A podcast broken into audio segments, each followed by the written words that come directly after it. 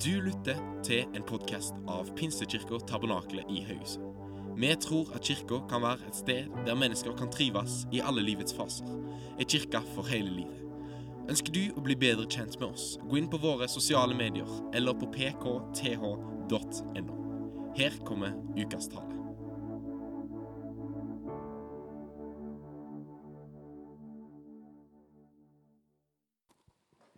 For dere som har, eh, har gått her lenge, jeg som har vært her i hele oppveksten min Den troen på en, en levende Jesus, den troen på at en, en, Jesus er virksom i vår verden, det er en sånn sentral en sånn sentral greie vi tror på. Han er ikke et, bare et forbilde for oss som en gang levde, som vi kan inspireres av, eller en som sitter langt der oppe i himmelen et langt sted der borte en gang, en plass, og eh, ja, ja, ser på oss. Han er virksom i vår verden, i våre liv.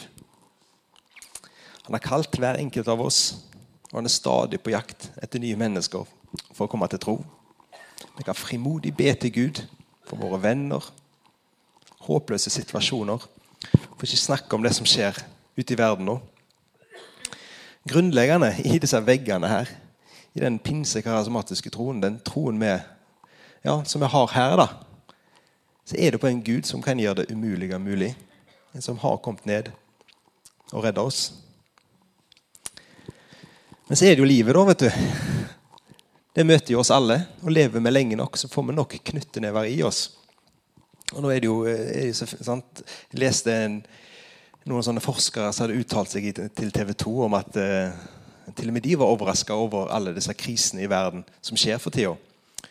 Og vi kan bli mista litt pusten av det. Vi kan, se, vi kan liksom få litt sånn følelsen av at ja, kanskje verden er litt som et synkende skip. Og vi står på det skipet der og vi springer rundt. og det er liksom Nå er det rett før det går under, og vi liksom har fått siste akt. Det er vi som fikk den, det kapitlet i verdenshistorien og våre liv. Og nå går det snart under. Og liksom eh, Det var det, liksom.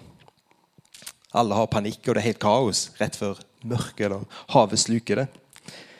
Jeg overdriver, overdriver kanskje litt. Litt voldsomt eksempel.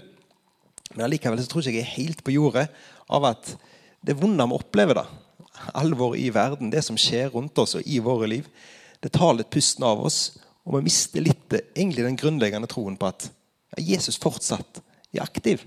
At fortsatt er virkningsfull. Til tross for dette her, så står jeg rakrygga her i dag og er overbevist om at Gud er virksom i vår verden. Han gjør fortsatt godt.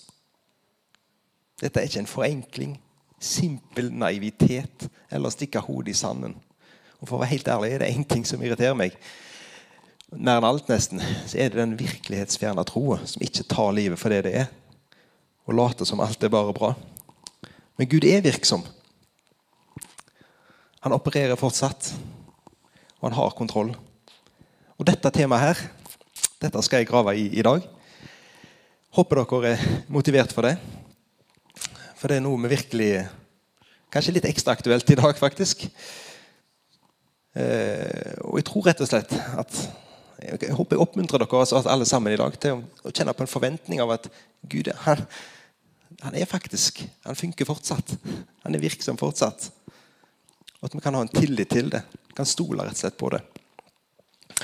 Jeg har lyst til å begynne med Jeg skal begynne med at Gud, det Gud gjør, det har sin opprinnelse i Hans ord. Det er et viktig poeng. dere. Når Gud skapte verden, når verden ble skapt, så talte Gud. Og ut av ingenting så bare oppsto det. Gud tar ikke det som allerede var, og lager noe fint ut av det. Nei, det var ingenting. Og Gud skapte hele verden med sitt ord. Han pusta liv, liv i mennesket. Og livet kom inn, inn i oss. I, tro, i Hebreerne 11,3 så står det i tro forstår vi at verden ble skapt ved Guds ord. Og Det er ikke sånn at Gud skapte verden for å la den seile sin egen sjø. For at vi skulle klare oss best mulig og det får nå gå som det går. Nei. Til tross for at mennesket valgte bort Gud, til tross for syndefallet, til at det vonde kom inn i verden, så strekker Gud seg ned til oss og frelser. Også Guds frelsesplan. Det er Også Guds frelsesplan for oss mennesker har den samme egenskapen av at Gud skaper ut av ingenting. For når syndefallet, når syndefallet skjedde, så kom mørket inn i verden. Om så alle vet, altså Mørket i seg sjøl altså, Det går ikke an å justere litt på mørket eller gjøre det litt mindre mørkt eller få det litt lysere. Mørket i seg sjøl er mørkt. Lyset er borte. Det vonde tok over. Guds frelsesplan var å bringe nytt lys inn i vår verden igjen. Som et ekko fra skapelsen.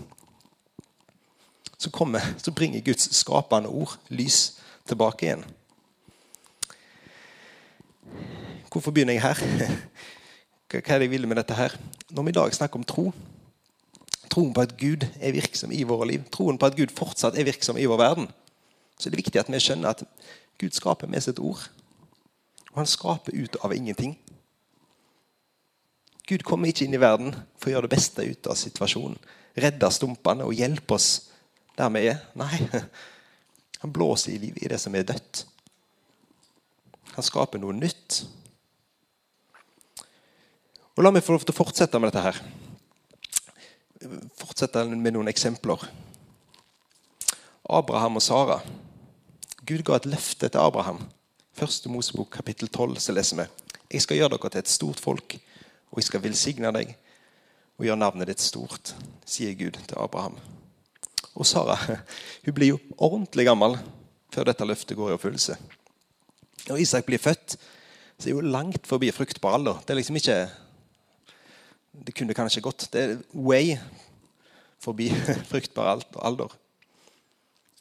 Og For meg så er det litt sånn at det virker på meg som at det er nesten meningen. At Gud, Gud ville denne infertiliteten. Det høres kanskje litt rart ut når jeg sier det. At Gud ville at hun skulle være barnløs i så mange år og være i så høy alder. Men tenk over det. Her er Guds frelsesplan, som er under oppseiling.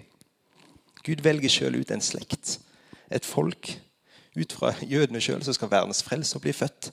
Det skal være et lys for hedningfolkene, det skal være et lys for verden. Her skal Gud virke. Det er Guds verk. Hans plan. Så tar han et dødt morsliv og vekker det til liv igjen.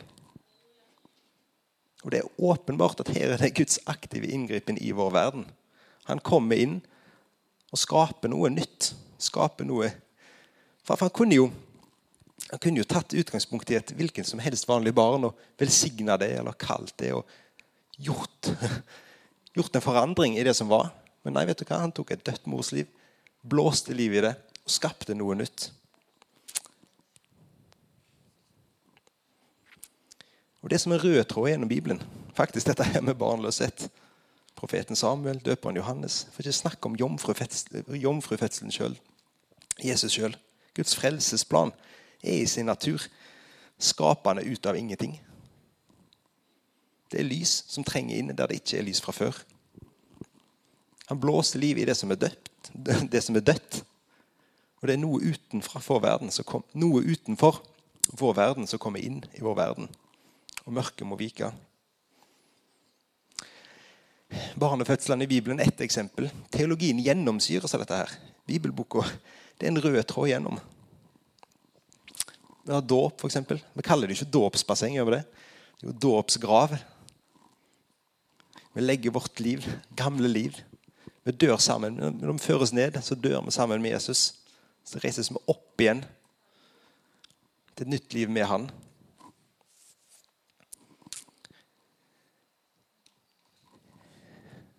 Og Det er en sånn grunnleggende tro på at vi lar det som er ødelagt, og det som er dødt, det skal få lov til å dø. Mens vi kan ta del i Jesu oppstandelse. Og på den måten få livet. Jeg husker jeg var med, altså jeg var med i en menighet eh, når jeg bodde vekke i Bergen og Trondheim. Vi hadde en eh, visjon vet du, for eh, med det med, veldig bra med visjonen. Det hjelper å holde fokus, hjelper å gjøre de riktige tingene og ikke bruke tid på feil ting. Og jeg husker liksom, En visjon vi hadde, det var vi skal lede mennesker til et bedre liv i etterfølgelsen av Jesus. Og vi var liksom tommel opp. Så var det en luring som sa til oss nei, nei, det blir jo helt feil. Vi skal lede mennesker til et nytt og bedre liv i etterfølgelsen av Jesus. Høres kanskje ut som flisespikkeri. Litt sånn Hva er poenget med å være så detaljfokusert? Men det er en fundamental forandring, altså. En forskjell på at Jesus kommer inn og forbedrer eller forandrer. Romerne 12,2.: Innrett dere ikke etter den nåværende verden, men la dere forvandle ved at sinnet fornyes. Ordet 'forvandle' det kan jo lett forveksles med ordet 'forandre'. Filipperne 3,21. Han, han skal forvandle vår skrøpelige kropp og gjøre den lik den kroppen han selv har i herlighet. Igjen forvandle. Og Det er to fundamentalt forskjellige ting. Det å forvandle noe og det å forandre noe. Når du forandrer noe, så tar du det som er, og forbedrer det. Du gjør det beste ut av situasjonen. Du fikser litt på det. Og, og det er jo veldig bra, det. Virkelig, altså. Tenk bare på ja, ja, vitenskapen og psykologien og medisinen og alt som gjøres da, for å forbedre situasjonen som er. At vi kan bli en bedre versjon av det som vi hadde, eller av oss sjøl. Men forvandla er noe annet. Da er det noe nytt som skapes. Det er noe nytt som kommer inn. Du er fortsatt deg sjøl. Fortsatt akkurat den samme personen.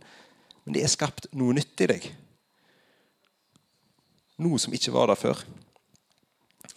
Det er en helt annen fundamental endring enn det en forandring er. Det er Guds skapende kraft som kommer inn og skaper liv, selv om det er dødt. For når vi skjønner at Gud skaper ut av ingenting, ja, da, da mister ikke vi troa, selv om det blir veldig mørkt. Selv om at ting er vanskelig. Og vi skjønner at Selv om landet vårt skulle miste aldeles troen på Gud, så skjønner vi at Gud kan komme inn og skape og blåse liv over folk, over naboer og familier, og, som vi aldri har sett før, vi som lever nå. Slår helt pusten ut av oss. Vi vet at Gud, vi vet at Gud kan gjøre det.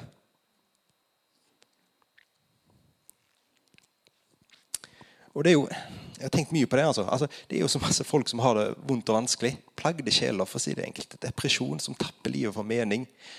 Angst som herjer med folk. og ja, det er så mye, da. De fleste av oss klarer å holde dette her sånn noenlunde i sjakk, så han har det greit i hverdagen. Men jammen meg, hvor mange er det ikke som Ja, det er en kamp å stå opp og leve livet. Og det er jo faktisk det Bibelen forteller oss, det som er grunnsannheten, er at faktisk skal det som er ødelagt, det skal faktisk lov til å dø. Og så skal han få skape noe helt nytt. Den der nyansen der av at han kommer inn. Og uansett hvor ødelagt det er, så kommer Jesus og skaper noe nytt. Og Den, fulle, den fullstendige oppstandelsen den blir jo ikke før livet vårt er ferdig her i dag. Men vi lever i et håp. og Vi kan få lov til å kjenne virkningen av dette her allerede i dag. Da kan en kjenne på sjelefred. Da kan en ha en ro på innsida. Da kan en kjenne at vet du hva, selv om det er totalt kaos i omstendighetene rundt meg, inne i hodet eller i kroppen er ødelagt, hva det skal være, så er det en sånn fundamental og en tillit til at Gud, han, alt skal bli nytt en dag. Og jeg kan få lov til å leve i den tilliten. Og det, og det skaper en ro og en sjelefred. Jeg er helt overbevist om, altså. For det er jo dette her som er evangeliet. Den enkle sannheten som også kan være vanskelig å forstå. Som roter oss bort med å Ja, men Gud han skaper noe nytt fortsatt. I vår verden og i våre liv. Om du skal ta denne prekenen her som jeg har i dag, og dele den i to, to deler Så første del det er Gud skaper ut av ingenting. Uansett hvor ødelagt det er, så virker Gud i våre liv, i vår verden.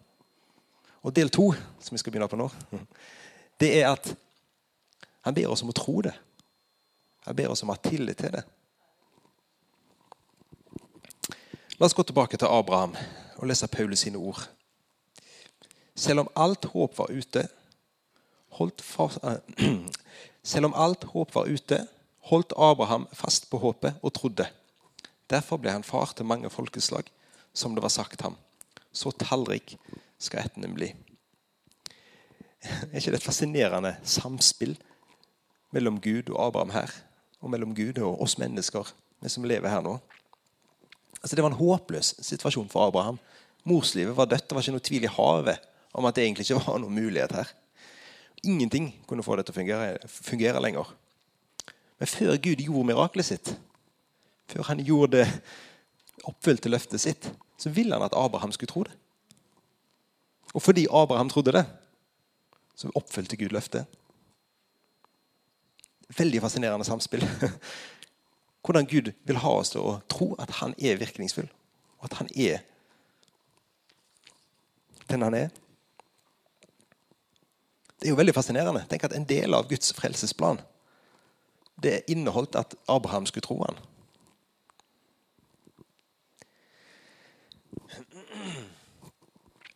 Og Selvfølgelig er det jo Gud som gjør, gjør alt. Det er jo Gud som gjør miraklet.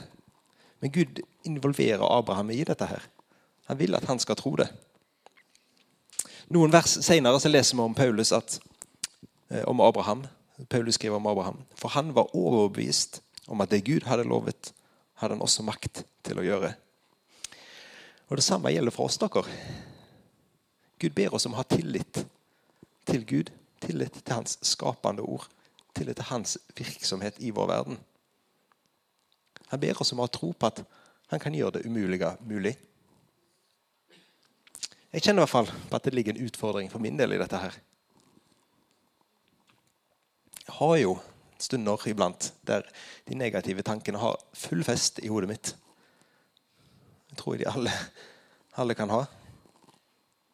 Det er en dårlig fest, for å si det sånn. Ja, Vi kan miste alle troa. Det, det slår jo så forskjellig ut for oss alle. Men det, men det påvirker oss. Kan liksom tenke nesten som at jeg, tror nok aldri jeg hadde klart å miste troen på at Gud finnes. For det er liksom Jeg bare har opplevd nok ting i livet til at det tror jeg skal veldig mye til. da. Nesten så du kan på en eller annen måte tro at ja, ja, men han Kanskje han har latt oss være igjen på skipet. da. Kanskje nå skal det slukes av havet, og vi får bare ta den siste runden her og gjøre det beste ut av det. At på en eller annen måte så kan, kan tankene føre deg dit. da. Er det noen som kjenner seg igjen? Er det bare meg? Ja, det er noen andre ord, da. Gud ber oss om å tro det som har blitt lova. Hva er det Gud har lovt oss, da? Vi hørte jo noen fine ord fra i møteledelsen her. Vi leser Matteus 28, noen kjente vers der. Jeg har fått all makt i himmelen og på jorden. Gå derfor og gjør alle folkeslag til disipler. Døp dem til Faderens og Sønnens og Den hellige ånds navn, og lær dem å holde alt de har befalt dere. Og se, jeg er med dere alle dager inntil verdens ende. Så Gud har et oppdrag i vår verden. Han har lovt oss det. Vi skal få lov til å være med på det. Vi skal få lov til å gjøre alle folkeslag til disipler. Og han har ikke slutta med det. Det står inntil verdens. Inntil Jesus kommer igjen, så, så, er han fortsatt pågående med sitt oppdrag. Han er fortsatt virksom. Og det å ha tillit til det. At han fortsatt han gjør sin greie. Og Gud ber oss om å tro det og ha tillit til det. Og det gjør noe med oss når vi tror dette her. Altså, de gjør noe med, altså, Ta bønnelivet vårt, f.eks når vi ber til Gud. Og det er ingenting i veien. Virkelig ikke. Den desperate bønnen om kjære gode Gud, nå må du komme her og redde meg og hjelpe meg og komme meg ut av den situasjonen jeg er i, eller det, den ulykken du har havna i. da. Det er ingenting i veien for den, den type bønn som det. Men den trosdimensjonen, den tilliten til at Gud han er virksom, at da får vi en hakket mer frimodig bønn. Takk, Gud, for at du er virksom i vårt land, Jesus. Takk for at du skaper noe nytt. Jeg ber deg for den og den personen. Jeg ber deg for landet vårt. Og Det er en sånn en frimodighet, nesten så du forlanger av Gud at skal, han skal gjøre noe her. For du vet at ja, men han gjør jo noe. Skjønner dere? For ikke snakk om engasjement i menighetsarbeid eller tjeneste for Gud. da. Om det er i, i kirka her i Tabernakel eller engasjement utover. Det fins jo så mye forskjellig bra ting vi kan gjøre på arbeid, ikke minst. Men det er jo litt av en sånn tillit til at jeg vet hva, Gud han gjør noe her. Jeg tenker jo alltid på barnekirken. Jeg synes jo Det er det beste eksempelet i verden. Og Det er ikke bare fordi jeg har barn sjøl. Men snakk om altså Unger, altså. Hjelpe meg. Hvis du skal bli utslitt en dag, prøv å holde ut med den gjengen der. Det er hardt arbeid. Virkelig, altså. Og For ikke snakke om i den livsfasen jeg er i nå, når du har små barn. prøver, de er jo, Alle er jo vekke her nå. De går rundt og triller på unger og slåss med unger der oppe. og Det er jo ingen som får med seg et kvekk av det som skjer her nede. Kommer hjem helt utslitt. Så gøy er det å være i kirka, liksom. Men en gjør jo det fordi en vet at Gud han, har en tillit til at Gud han er virksom. Jeg, vet, jeg vil det beste for mine barn, for andres barn, for de barna den oppvoksende generasjonen. Derfor så gir vi inn i disse her. Vi investerer fordi Gud han skaper noe nytt. Han har ikke slutta med dette her. Og Det gjør noe med måten vi møter folk på. Våre naboer, kollegaer, folk som kanskje ikke har en tro. Folk som litt, har ikke fått oppleve livet med Gud. Ja, du blir hakket mer frimodig. Du har en tanke om at ja, men vet du hva, jammen meg, kanskje det mennesket der står på kanten til å, bli, til å ta imot Jesus. Gud gjør noe. Hva er det Gud gjør? Du er mer på utkikk etter å finne det Gud gjør. Du får ikke snakke om det samme med misjon å gjøre selvfølgelig, altså Bistand er veldig bra, det òg, ikke minst. Men du vet at ja, men Gud han, han gjør ting ute i hele verden. Han skaper noe nytt. Guds ord går fram. Mennesker skal få oppleve han. Det er en tillit til det. Det påvirker våre, våre indre liv sjøl. Hvordan jeg har det personlig. Vårt andagsliv når vi sitter i ro. Hvordan vi har det med oss sjøl. Et løfte som Jesus sier i Matteus 11. Kom til meg, alle som strever og bærer tunge byrder, og jeg vil gi dere hvile. Når vi har tillit til at ja, Gud vil gi meg en hvile, ja, da kan vi finne sjelefred. Da kan vi ha en ro, selv om livet er vanskelig og omstendighetene er tilsier noe annet.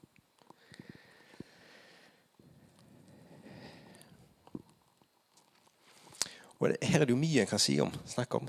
Og helt overbevist om at folk kan oppleve en sånn, en, en sånn Guds tiltale. Altså Gud sier noe. Be for den personen der. Jeg kan lede og si at det kan være personer du skal be for. Initiativ du skal starte. Ting du skal gjøre for andre mennesker. Plutselig tenker du på et menneske. Altså, Den hellige ånd jobber jo i oss alle. Jeg husker jeg var jo med og reiste til Trondheim og var med og starta en menighet der. Og Jeg husker veldig godt den kallsopplevelsen vi opplevde helt åpenbart at det var, her er det Gud som gjør noe. Han skaper noe nytt, og vi skal få lov til å være en del av det.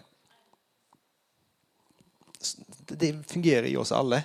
og Du kan liksom ikke stå her og ha en sånn generell bibelvers på det. Men Den hellige ånd virker i oss alle. Vi kan få lov til å være en del av det Gud gjør. Og han viser ting. Noen for noen ting, andre for andre ting. Jeg husker en gang jeg skulle tale på en sånn en, eh, leir for uh, ikke hvor gamle de var, i slutten av barneskolen kanskje. Uh, og så husker jeg at, For det står jo at tro han, det er jo en nådegave. Og jeg husker jeg kjente bare før jeg skulle, før jeg skulle tale den lørdagskvelden, satt jeg for meg sjøl og forberedte da, den siste kvelden på leiren. Og så var det som helt, Kanskje den gangen jeg opplevde det mest. At liksom, Jeg bare visste, jeg var helt sikker på at i kveld så kommer det til å skje noe spesielt. Det var liksom helt fascinerende. Kunne vite med sikkerhet. Jeg kunne, hadde satsa penger på det, da, for å si det sånt, hvis det gikk an. Altså, her, er, her er Gud virksom. Her er Den hellige ånd virksom. Noe kommer til å skje i kveld. Og Jeg tror vi kan få oppleve altså Den hellige ånd ønsker å gi oss Gud ønsker å gi oss en tillit og en tro til at han er virksom. Den kvelden der var det mange av de ungene som rakk opp hånda si og sa ja, Jesus, jeg ønsker å tro på deg. Fantastisk eh, oppmuntrende ting å være med på. Og bare det samspillet Glemmer det aldri, altså. Abraham han var jo menneske, han òg, da. De, de rota det jo litt til deg jo på veien. Dere som kjenner bibelhistorien, kjenner jo til det. Han fikk jo bare med Anei på veien fordi at liksom de skulle fikse problemet sjøl. Få realisere Guds plan fordi han brukte for lang tid og det så for vanskelig ut. Og Hvor lett er det ikke at vi gjør det iblant? da? Guds timing. Det å skjønne at Gud gjør ting i rett tid. Og det at vi enten bare gjør ting for tidlig Vi skulle ha venta. Det var ikke tida. Eller at vi kanskje tar en snarvei og gjør egentlig noe vi egentlig ikke skal gjøre. Oppmuntringen med Abrahams feiltrinn, om du vil, det er jo for det første at han er, han er menneske. Og Gud ga seg ikke på løftet for det om. Han realiserte fortsatt sitt løfte. Han holdt fast, fast ved det. Det kjenner jeg iallfall en oppmuntring for min del. Vi gjør jo Vi snubler jo litt iblant. Oss alle.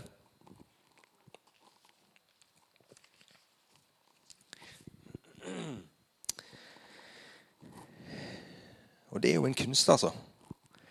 Jeg leste om en menighet. De hadde, skulle satse liksom på ja, ja, som tar, gjør den historien veldig kort og, og gjør en sammenlignet med oss. da. At Vi ja, har satsa på de typisk norske nordmenn og arbeiderklasse og middelklasse nordmenn. Liksom. De som er mest mulig like oss. De skulle liksom satse både penger og ressurser og folk. Liksom. Ja, Vi har en sånn satsing for å nå de da. Og kjempebra, det. Hvem som ikke, ikke vil det? Og så opplever de at plutselig er det liksom akkurat som Gud gjør noe annet. Det kommer masse flyktninger i den byen og i det området der, og de får oppleve en vanvittig, helt åpenbart at Gud er virksom, og de opplever en vekst og får lov, til å bli med på en fantastisk reise i forbindelse med disse flyktningene her. Det er jo Hva er det Gud gjør? Vær lyd og hør for han. For han gjør noe. Det var årvåken. Det å søke hans nærhet. Kjære Gud, hvor er det du er virksom nå? Hva er det du gjør for noe? Ha tillit til det, altså. Han stopper ikke opp. Selv om det til tider kan virke sånn. Så virker han fortsatt.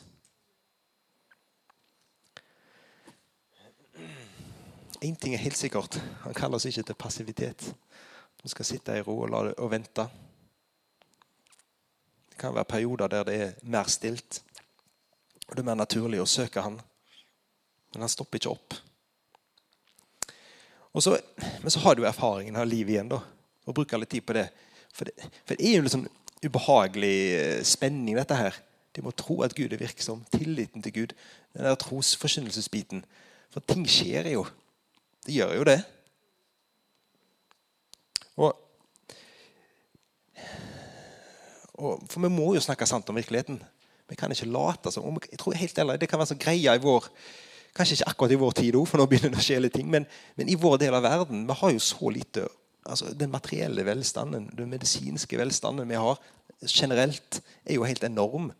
Vi kan på en eller annen måte distansere oss i større grad enn mange har gjort. I tillegg så har vi jo vår karismatiske bevegelse som vektlegger dette her, at Gud er en ja, han, han, han, han, griper inn i vår verden. Han er framtidstroende sterk. Og Da kan vi lett, ikke med meningen, men på en eller annen måte ikke ta inn over oss denne ubehagelige spenningen.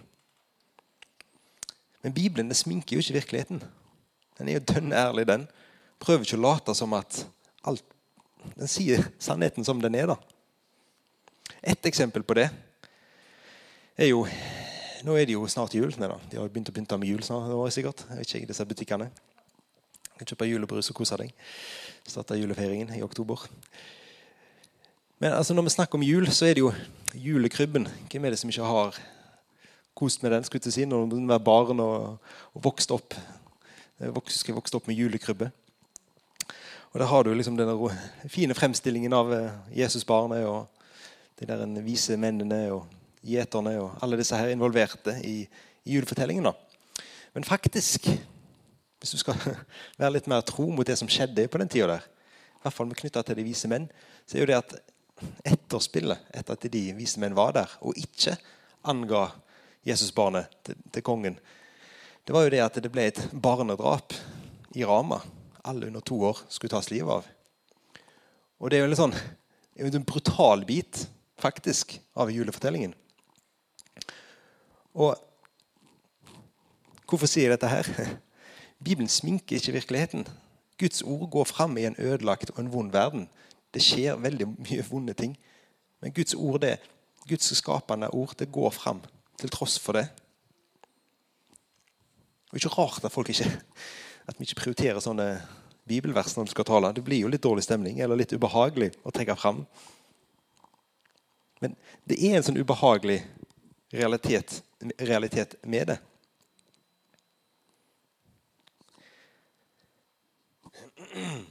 Så lenge vi lever her, så er det den ubehagelige spenningen. Gud er virksom, men det onde er fortsatt virksomt. Et forbilde på akkurat dette her Jeg skal avslutte med den fortellingen der. På hvordan vi kan møte dette her. Det syns jeg er de tre vennene til Daniel som blir kasta i, i, i lovnen. De nekter å tilby avguden i Babylon. De vet at de risikerer livet. De får til og med en ekstra sjanse Sikker på at dere ikke vil bli med på dette her? Nei, vi, vi nekter å tilbe den avguden her, da. Og ja, ja, men da blir dere kasta inn i flammene. Eh, og deres respons, det de sier da, det er veldig bra sagt, altså. Om den Gud som er dyrker, kan berge oss ut fra ovnen med flammende ild, og fra din hånd, konge, så vil han berge oss. Og om han ikke gjør det, skal du vite, konge, at vi allikevel ikke vil dyrke din Gud og ikke tilbe gullstatuen, gullstatuen du har reist. Altså, De vet med seg sjøl at ja, ja, kanskje det blir slutt for oss her nå. Men de har tillit til Gud for det. Og På samme måte så kan vi ikke vite nøyaktig hva som skjer rundt neste sving. Vi kan ikke det, altså. Ikke har jeg i hvert fall noe som helst ja, ja, altså, jeg har ikke noe tillit til at Jeg kan ikke si det med Bibelen i hånda. Denne verden er i det onde. Vi har ingen garanti om at det onde skal ramme oss. Men vi vet at Guds ord er levende, og han har lovt oss at han fortsatt skal gå fram i vår verden. Han har lovt oss at han skal være med oss i det vi møter oss, i det som skjer, i det, treffer, i det som treffer oss. Og den tilliten der, den har vi med oss, dere. Han er virksom i vår verden. Og så er det noe med det at det er ut av en tillit til at ja, men hva vet jeg om at kanskje det blir neste generasjon eller generasjonen etter som virkelig får se at Gud begynner å, å jobbe. Eller kanskje det plutselig tenker disse her ble jo jammen redda ut av ildovnen. Et vanvittig mirakel skjedde blant disse vennene til Daniel.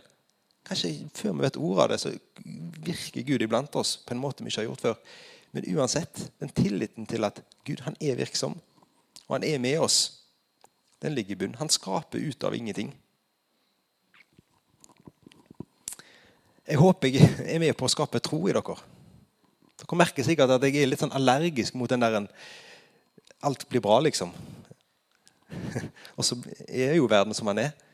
Men vet du hva, vi kan stå og se det vonde i, midt i hvite øyne, men allikevel så kan man ha tillit til at Gud han er virksom. Han er med oss, han er nær oss. Og han utfordrer oss til å faktisk tro det. Og jammen meg så, skal vi ikke, så ser jeg det ikke bort ifra. Og jeg har absolutt tro på at vi kan få oppleve ting i våre liv som er fantastisk. altså. Ut av tillit til at Gud er virksom. Takk for at du lytta til vår podkast. Vi håper at undervisningen kan være til inspirasjon og hjelp inn i din livssituasjon. Du er hjertelig velkommen til møter i Pinsekirken Tabernakel Haugesund klokken tolv på søndager. Ha ei velsigna uke videre.